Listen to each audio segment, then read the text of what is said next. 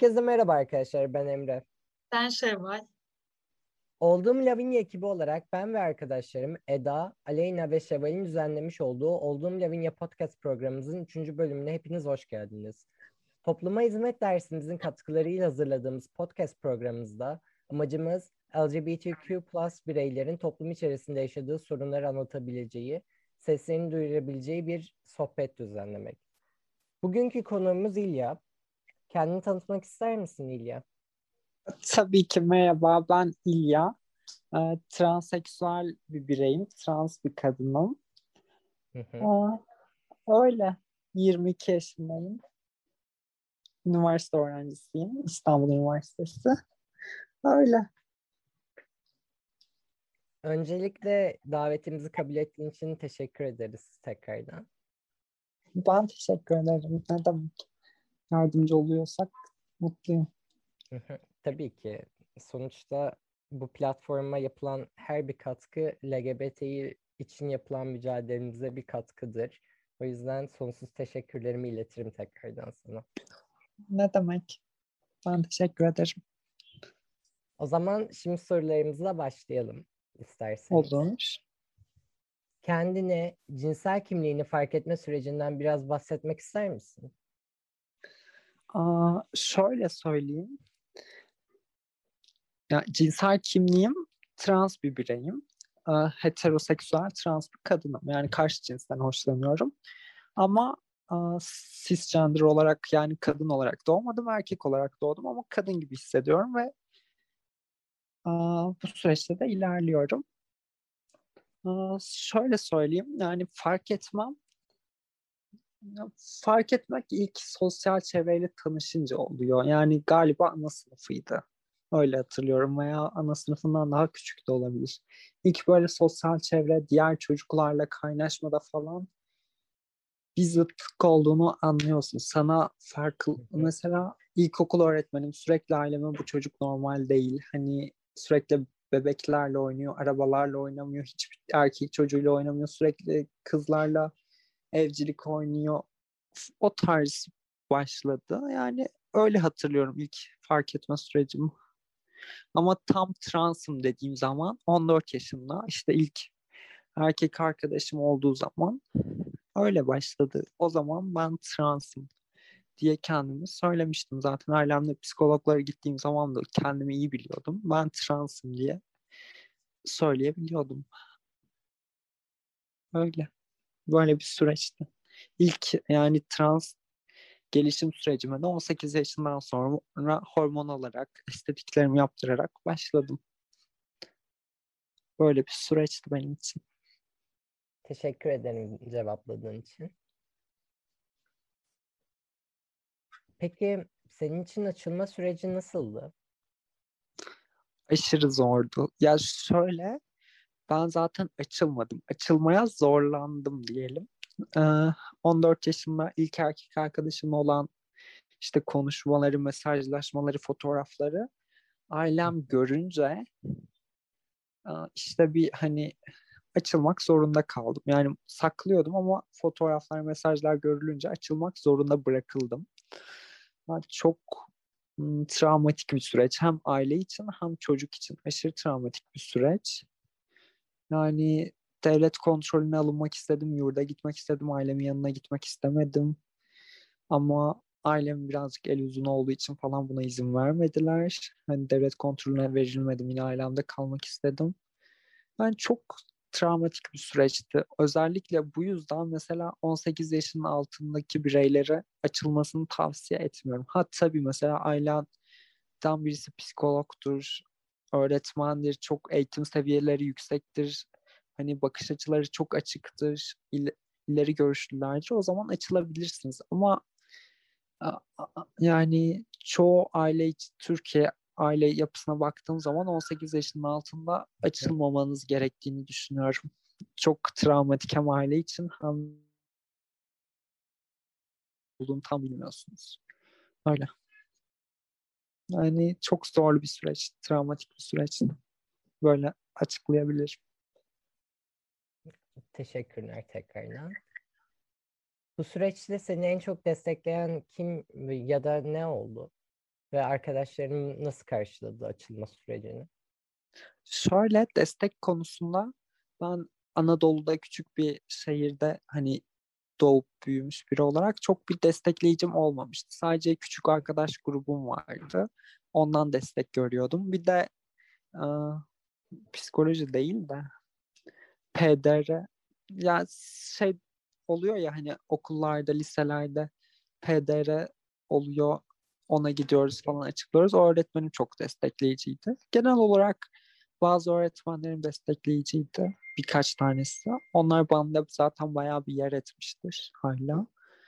Ama çok bir destek gördüm. Ha mesela gittiğim her psikolog, her psikiyatr beni destekleyen şekilde konuşuyordu aileme karşı. Ya, o konuda çok mutlu olmuştum. Yani Türk psikiyatrları, psikologları gerçekten bu konuda çok iyi. Yani Anadolu'da da olsalar çoğu şeyi normal karşılayıp iyi yönetebiliyorlar. O konuda psikologların desteği çok fazlaydı bende. Bir de arkadaş grubumun desteği fazlaydı. Aileden hiçbir destek görmedim bu konuyla alakalı. Çok zor geçti. Peki destek gördüğün grupların yanı sıra hayatında ayrımcılık ya da önyargıyla karşılaştın mı? Tabii ki yani lise boyunca sürekli 12. sınıfa kadar mutlaka bir e, zorbalık, bullying, zorbalık mutlaka gördüm. Yani sürekli çünkü makyaj yapıyordum, dar giymek istiyordum saçım uzundu. Saçımı uzatmak istiyordum. Oje sürmek istiyordum. Yani bu da hani aslında bilindik bir şey ama tabu olduğu için yani insanlar sürekli bir ayrımcılaştırma işte kabul etmeme falan böyle çok ayrımcılık vardı. Sürekli lakap takılması, sürekli dışlanma falan böyle şeyler oluyordu tabii ki günlük hayatta okula giderken veya ama üniversitede bu çok değişti. Yani üniversitede bilmiyorum belki benim üniversitemle de alakalı olabilir. İstanbul Üniversitesi Edebiyat Fakültesi özellikle bayağı hmm,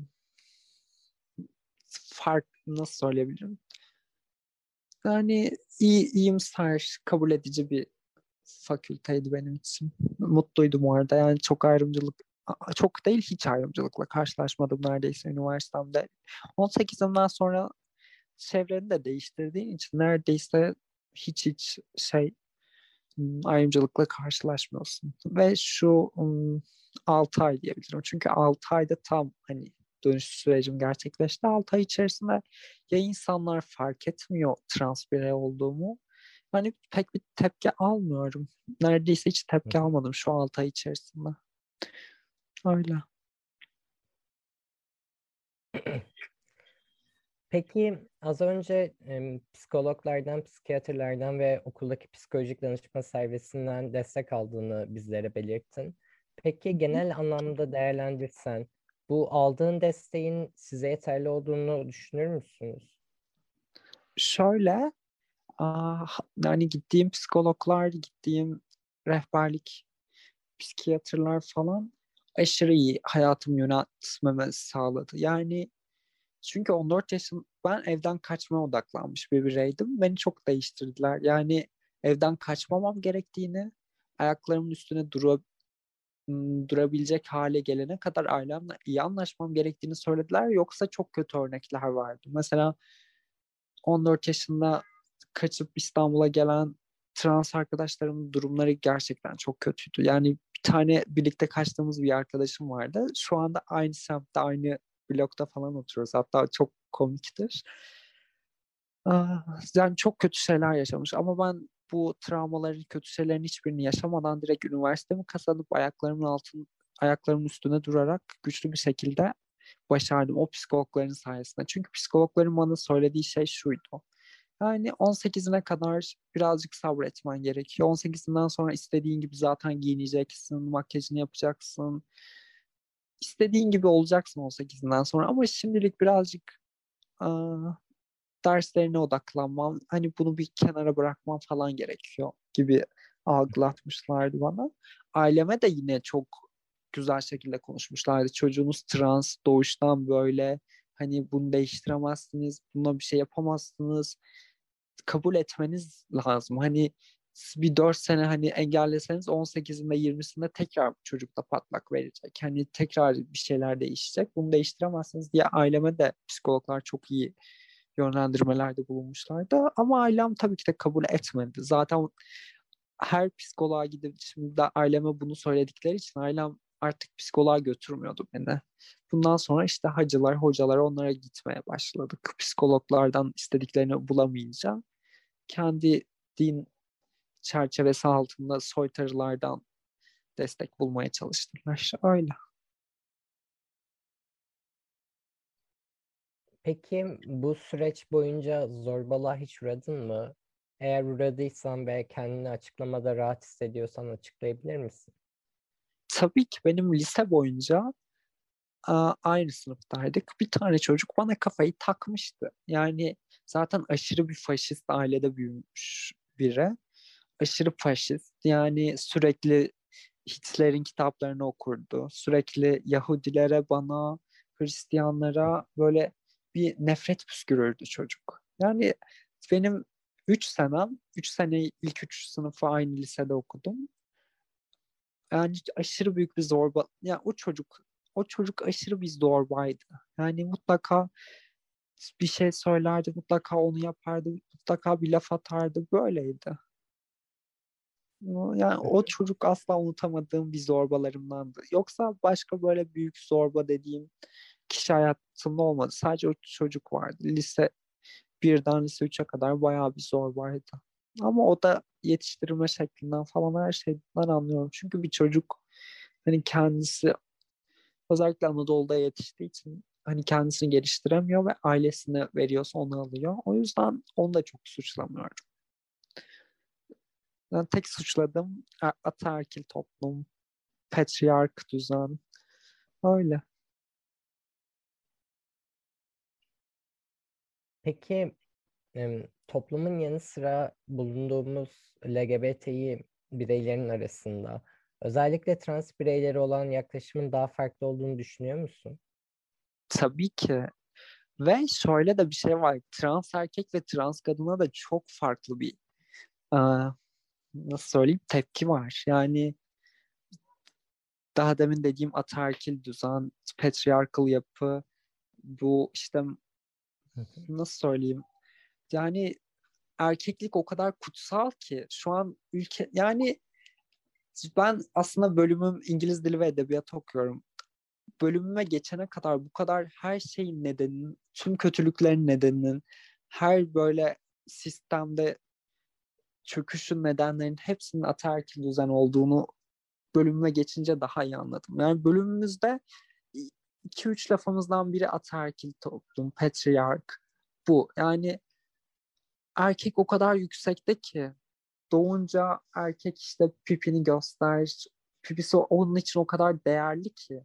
Yani onun kesilip bir vajinaya döndürülmesi, trans kadın olması o kadar aşağılayıcı bir şey ki toplumun gözünde. Ama bir kadın vajinasını değiştirip e, trans erkek olduğu zaman e, penis yapay penis yaptırdığı zaman aşırı delikanlı delikanlı kız iyiymiş helal olsun falan böyle yani ataerkilik erkeklik o kadar üstte ki yani asla asla bir kadının pardon bir erkeğin bir kadın gibi davranması bir makyaj yapması, oje sürmesi o kadar aşağılayıcı ki bizim toplumda.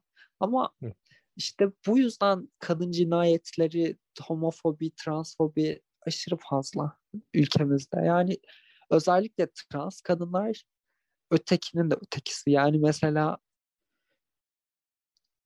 LGBT toplumu içinde mesela ben buna çok karşıyım. Fem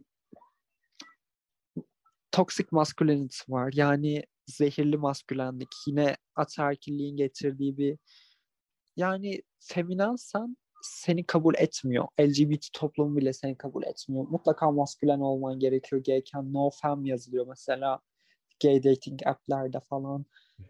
Yani no fem maskülen olması gerekiyor. Erkeksi olması gerekiyor. Çünkü erkeksilik o kadar önemli ki. Kadınsalık o kadar aşağıdaki. Yani aslında bu toplum yapısıyla çok alakalı. Öyle. Yani trans kadınlar ötekinin de ötekisi. Yani aşağılığın da aşağılığı. Yani o yüzden toplumun gözünde en düşük noktada bence trans kadınlar geliyor. Çünkü erkeklik gibi üpüste bir kutsal ne derler kutsal bir rolü reddedip kadın olmak istiyor. Yani öyle. Aşırı o yüzden ayrımcılığa uğradığını düşünüyorum. Trans kadınların daha fazla. Gaylerden, lezbiyenlerden, trans erkeklerden, biseksüellerden, panseksüellerden. Tabii onlar da uğruyor ama trans kadınların uğradığı yani bence en fazlası. Bu yüzden zaten aktivistlerden mesela ilk Stonewall'da şey atan taşı, ilk taşı atan trans kadında. Yani biz daha fazla şey olduğumuz için aktivistlikte daha da ön rolde oynuyoruz. Daha çok ayrımcılığa uğradığımız için daha aktivist oluyoruz. Öyle. İyi cevapların için teşekkür ediyorum. Ben devam et devam etmek istiyorum. Birkaç tane benim de sorum var. Peki bu dediklerinin genel olarak toplamına bakılınca homofobik kavramı sende tam olarak ne çağrıştırıyor?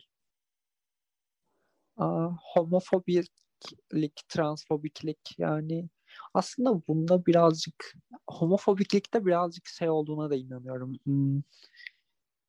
Neden nefret? Yani bilmiyorum. Unuttum da Richard Paulson bu tarz bir ölçek var. Homofobik ölçek. İsmini yanlış söylemiş olabilirim. Homofobiklik ölçeği diye bir şey var. Ee, ya bu ölçeğin sonuçta sonunda aslında insanların gizli homoseksüel olduğu ortaya çıkıyor. Yani şöyle söyleyebilirim. Homoseksüellikte birazcık ben şey arıyorum. Bazı insanların e, o şeyi yaşamaya ne aile yapısı uyduğu için ne de kendini dinden falan soyutlayabildiği için, yaşayamadığı için o tarz kişilere nefret duyuyor. Ama aslında kendisi de homoseksüel, biseksüel veya transseksüel yönelimlerde bulunabiliyor, hissedebiliyor. Belki bundan nefret ettiği için karşıdakine. Çünkü mesela düşündüğümüz zaman bir insan neden bir şeye bu kadar takıntılı derecede nefret etsin ki? Hani neden ne olabilir? Ben böyle düşünüyorum. Bir insanın bu kadar takıntılı bir şeyden nefret edebilmesi için bence altında mutlaka yatan psikolojik neden olduğuna inanıyorum. Öyle. Ve hani homofobiklik bence yine patriarchal düzenin, ataerkil düzenin getirdiği bir neden. Dinler de bunda tabii ki de etkili oluyor. Zaten dinleri de yaratan ataerkil düzen olduğu için öyle yani ben hepsinin tüm problemlerin kaynağını ataerkil düzen, erkeğin çok üstte, çok mükemmel gözükmesinden kaynaklandığını düşünüyorum. Teşekkür ederim cevapların için. Peki insanların senin hakkında neyi anlamasını isterdin? En çok yani bunu bizim seçmediğimizde mutlaka ama mutlaka doğuştan geldiğini. Çünkü hani bu tarz yönelimler, bu tarz şeyler ana sınıfında başlıyor. Çoğu ülkede, özellikle translar hakkında konuşacak olursam. Mesela Avrupa'da 6-7 yaşında veya Amerika'da yani Batı ülkelerinde 6-7 yaşından itibaren çocuklarda bu tarz transseksüel davranışlar gözüktüğü zaman direkt hormon tedavisine başlanıyor çocuklarda. Yani o yüzden mesela yurt dışındaki translar işte mesela Nick Tutorials asla açılmadığı zaman biz anlayamadık trans olduğunu. Çünkü resmen 7 yaşından beri hormon kullandığı için Emma Chandler yani çocukluktan beri hormon kullanıyorlar. Aileleri destekliyor. Çünkü biliyorlar doğuştan gelen bir şey. Çünkü 7 yaşındaki çocuğun bebeklerle oynadığını, kızlarla oynadığını görüyorlar.